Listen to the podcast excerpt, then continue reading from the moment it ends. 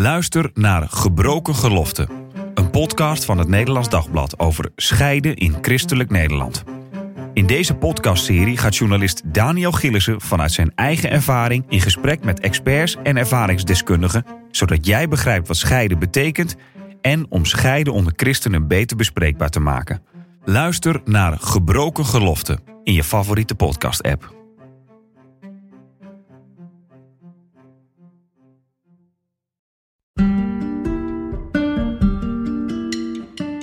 Leuk dat je luistert naar de Relatiepodcast.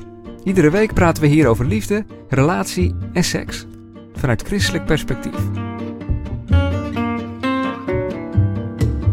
Welkom. Mijn naam is Marien Korterink en deze week praat ik met relatietherapeut en seksuoloog, psycholoog Phoenix de la Fosse over hoe kinderen omgaan met een ouder die weer gaat daten. Phoenix, goed dat je er bent. Dankjewel. Laten we even beginnen met de casus. Wat speelt hier?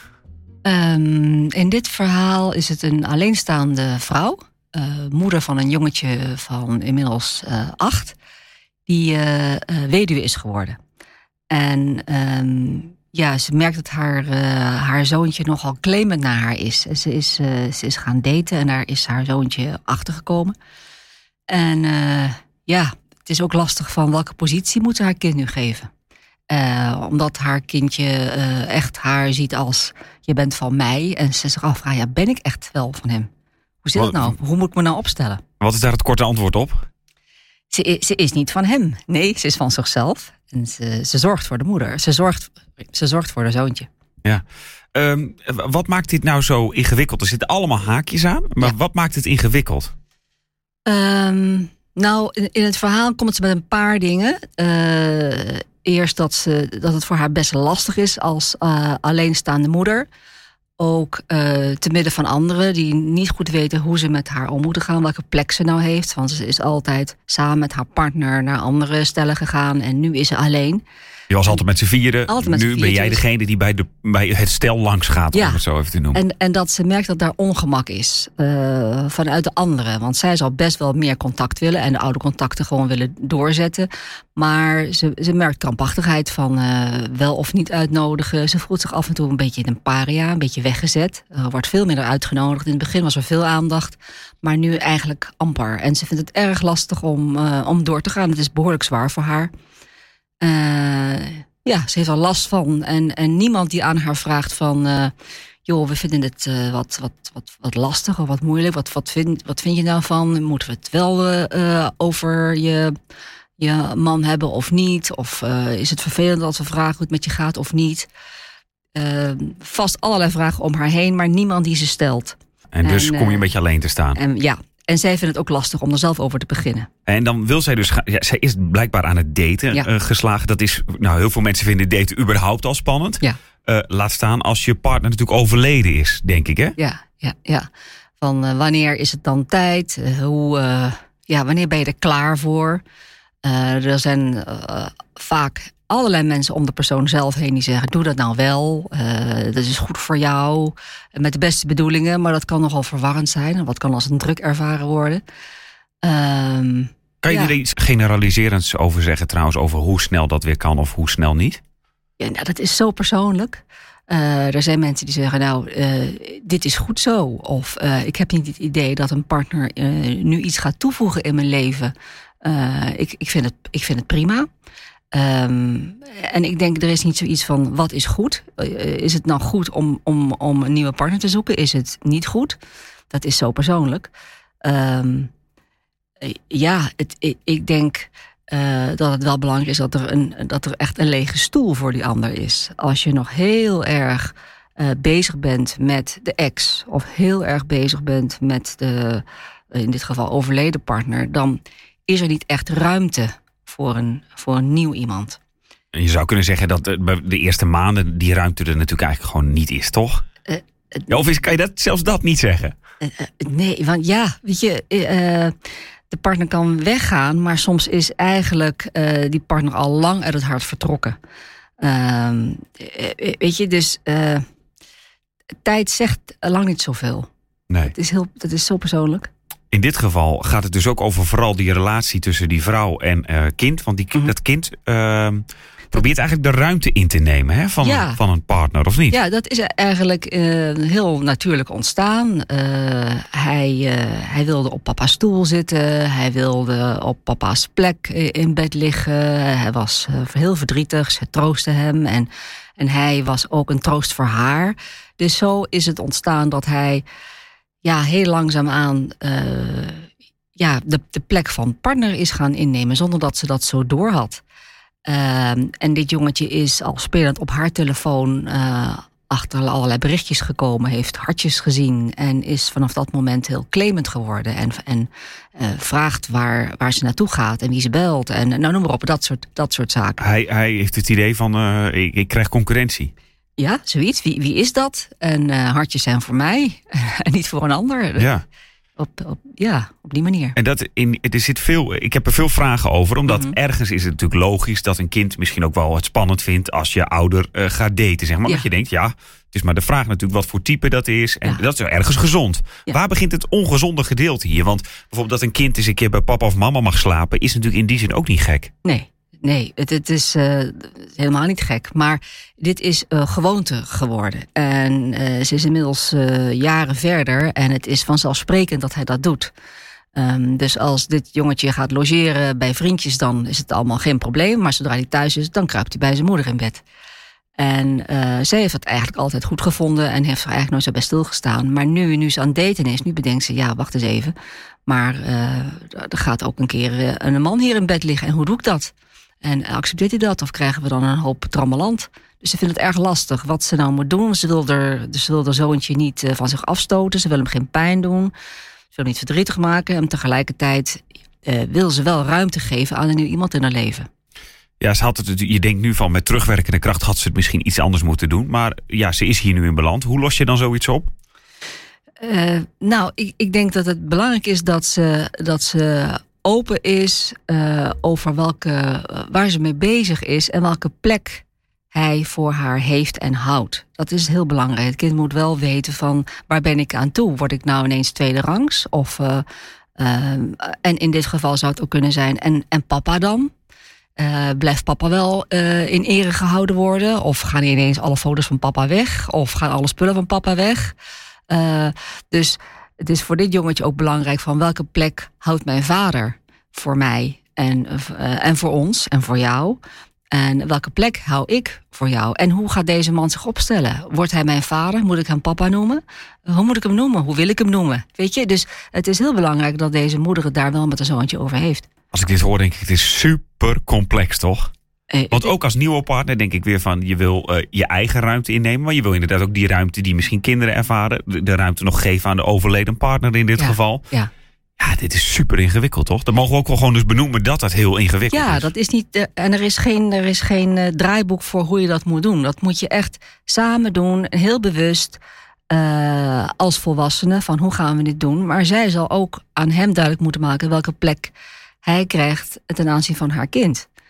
Uh, want als hij vindt dat hij papa is en papa genoemd wil worden en wil gaan opvoeden en zeggen van nee, maar nu moet je stil zijn en nu moet je naar bed en wat krijg je veel zakgeld en noem maar op, al die dingen ja, ja, ja. Gaat uh, zich toetrekt, dan, dan, ja, dan krijg je gewoon een hoop gedoe. Dat, dat kan je van tevoren al zeggen. Terwijl het ook logisch is dat hij op de duur, eh, als het gewoon langer, langer een relatie wordt en zo, zich gaat bemoeien natuurlijk met dingen. Want ja, die vrouw zal soms ook weg zijn en dan moet hij uit de huishouden runnen en dus ook de regels Uiteraard, hij, hij, hij zal van alles, uh, van, van alles vinden.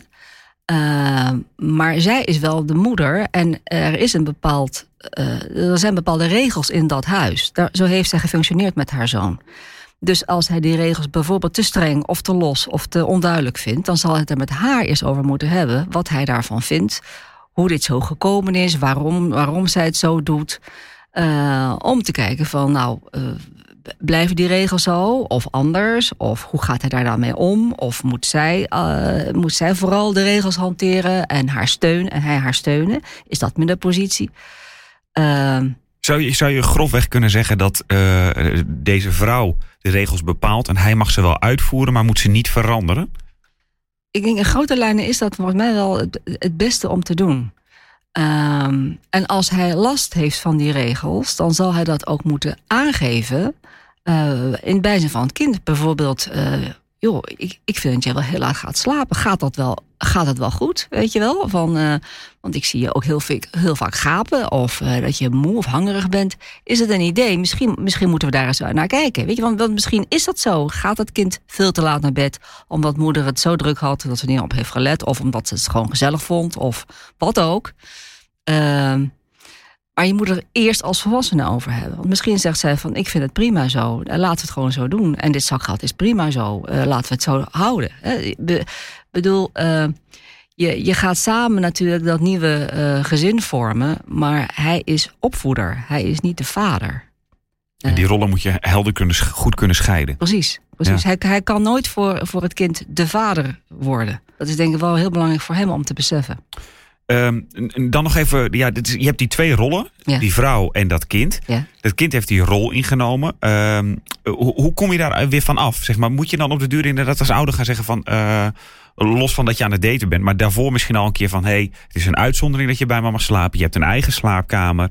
Uh, en het idee is gewoon dat jij daar slaapt. Ja, Want je wil ergens ook je kind inderdaad niet te veel wegduwen. En dat Precies. idee heb je dan misschien Ja. van... hij heeft ook verdriet na het overlijden. Ja. Nou, Oké, kom maar eens een keer bij mama slapen. En, en ja. Van de regen in de drup, om het zo te zeggen. Ja, dus ik denk dat dat wel de grote lijn is. Bij verdriet of pijn of, of, of ziekte, dan, ja, dat, dat, dan kan dat natuurlijk prima.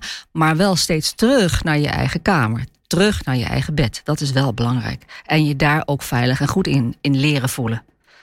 Wat zijn de gevolgen voor het kind eigenlijk hiervan? Want eh, doordat hij zo gegroeid is, is het, voelt het ook als eh, moeilijk, denk ik, als hij weer op zijn eigen kamer moet slapen. Ja, dus dat. En ook echt van, ik word misschien weggestoten door een andere man.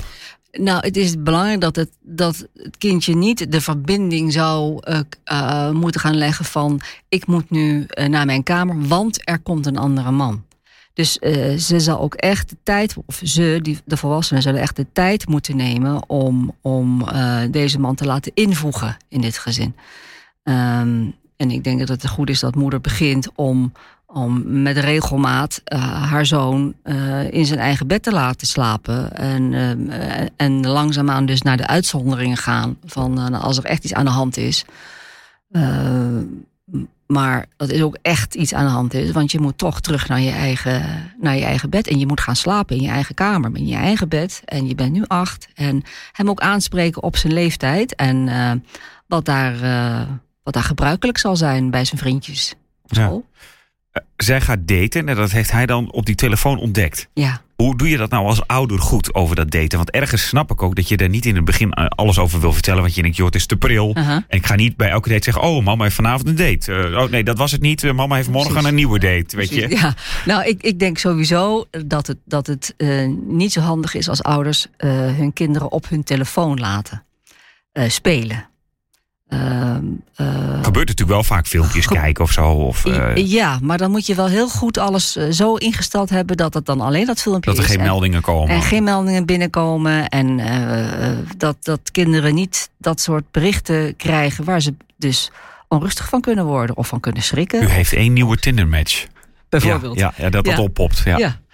Uh, dus dat moet je echt, echt weghouden. En ik denk, uh, introduceer pas iemand als het echt serieus is. En uh, ik wou zeggen dat die door de ballotagecommissie is, maar dat het echt serieus ja, ja. is. Dat je denkt van dit is, dit is goed, dit voelt goed. De, deze persoon die, die gaat respectvol met mij om en met mijn kind of kinderen. Um, en ja, dat past. En dat moet je ook stapsgewijs doen. Stapsgewijs. Dan? Pas al, ja, dus kleine, ont, kleine ontmoeting en kijken hoe dat gaat. We gaan eens een keer koffie drinken en dan is hij er ook. Ja, ja, en je kan dan ook zien hoe deze potentiële nieuwe partner überhaupt zich opstelt naar je kind. Is dat prettig of niet prettig? Of, weet je, het moet aan alle kanten natuurlijk wel kloppen. Het is, het is wel iemand die je serieus je leven inhaalt. En daar zijn wel kinderen, of daar, daar is een kind. Nou, hoe, hoe, hoe ga je dat doen? Wat, wat verwacht je van die nieuwe partner? Wat verwacht die nieuwe partner van jou? Wat heb jij nodig in, dit, in die zin van die nieuwe partner? Wat heeft die andere nodig van jou om in te kunnen voegen? Dat, dat kan natuurlijk ook wel van tevoren al deels besproken worden over inderdaad wat je verwacht dan van zo'n nieuwe ja, partner. Denk ja. ik, ja, helemaal als het gaat over een kind of kinderen. Ja, precies. Ja. Zeker. Zou ik zeker, uh, uh, ja. En dan nog kan het zo zijn dat kinderen misschien wel het in het begin gewoon lastig vinden. Omdat, ook al, ook al doe je het wel op de gezonde manier, zeg maar, dan alsnog kan een kind dat natuurlijk in het begin wel lastig vinden, toch? Ja, of draaien. Dus eerst eh, heel erg vaak vragen van... komt er nou een nieuwe papa? En is dat eh, geen aardige man? Of is dat geen aardige vrouw voor jou? Dat, dat kinderen in die zin ook gaan zorgen... en zich er tegenaan gaan bemoeien. Eh, en na de hand het draai maken. Als het wel serieus wordt. Dat je eerst denkt van nou, dat gaat allemaal wel goed. Gaat allemaal wel goed. En toch, nee, toch niet. Ik denk dat je dan ook echt wel aandacht moet geven aan het kind van... wat is er dan aan de hand waardoor het, waardoor het draait? Waardoor het ineens anders is? Ja. Wat gebeurt er in dat hoofdje? Of welke dingen worden met elkaar, uh, raken met elkaar verknoopt? En, want dat lijkt me ook lastig. Als een kind dan inderdaad zegt: Ik vind die meneer niet leuk. Bijvoorbeeld, terwijl jij inderdaad verliefd bent op zo'n man. Ja. ja. Wat moet je dan doen? Ja, of niet leuk meer, bijvoorbeeld. Hè? Ja, dat, ja. eh, dat die persoon in het leven gekomen is en heel erg leuk en aardig was. Een beetje, beetje te erg eh, suikerachtig, zou je kunnen Ja, zeggen. ja. En daarna eh, zichzelf of haarzelf eh, is en af en toe zegt: Nee, dat, dat vind ik niet. Nee, dat vind ik niet leuk. Of, nou, en dat het kind dan zegt: van, Ja, maar nou vind ik jou niet leuk. Dus papa, mama, doe, doe haar of hem alsjeblieft weg. En wat dan? Wat moet je dan doen? Nou, ik zou dus, dus in het begin samen ook kijken van hoe ga jij je opstellen in het gezin. Als je eh, te leuk en te lief en te aardig bent, dan, dan schept dat verwachtingen bij het kind of bij kinderen. Dus eh, wees vooral jezelf. Hè? Eh, en laten we het erover hebben of het, als we elkaar ontmoet hebben, of je was hier van hoe was het? Hoe was het in het gezin? Hoe was het met de kinderen erbij? Voelde het goed? Voelde het niet goed? Wat waren lastige momenten? Eh, wat heb je daarin van me nodig? Weet je wel, dat je het echt goed doorspreekt, serieus. Maar moet je ook luisteren naar je kind als, als, als die zegt van nee, ik, ik wil, wil niet dat deze man meer komt? Ik zou doorvragen. Waarom dan? niet? Waarom dan niet? Ja, En, en maak je dat vaak mee in eh, de- de- dit soort ja, situaties? ja ik, maak het, ik hoor het heel vaak. Ja. Want wat zit Ja. daar dan allemaal achter? Is het ook angst en zo? Of voor het onbekende misschien? Of Angst voor het onbekende, heel vaak angst voor de eigen positie. Eh, angst voor verlies van verworvenheden. Ehm, Nou, en, en technisch gezien raakt deze jongen in deze kaas natuurlijk ook wat kwijt. Want hij mocht altijd bij mama slapen. En dat gaat hij kwijtraken. Ja, ja, bijvoorbeeld. Of eh, vakanties eh, worden anders. Want deze eh, man gaat er hoogstwaarschijnlijk bij zijn. Of, ehm, eh, en zeker, het wordt helemaal een ingewikkeld iets als er ook nog andere kinderen zijn. Dus dat een nieuwe partner ook kinderen heeft. Nou, hoe verhouden die zich met elkaar? Ehm, wat betekent dat voor, eh, voor een kamer bijvoorbeeld? voor, nou ja, voor allerlei verworvenheden. Gaan we het een andere keer over hebben. Over de samengestelde hebben, ja. gezinnen. Dankjewel, Phoenix, voor nu. De column van Phoenix die eh, zet ik in de beschrijving van deze podcastaflevering. En heb je nou ook een vraag over relaties, liefde of seks waar je graag een antwoord op wil? Mail je vraag dan naar podcast.nd.nl, dan komt hij bij mij binnen. Of mail hem naar phoenix.nd.nl, dan kan zij hem voor je beantwoorden. Tot volgende week.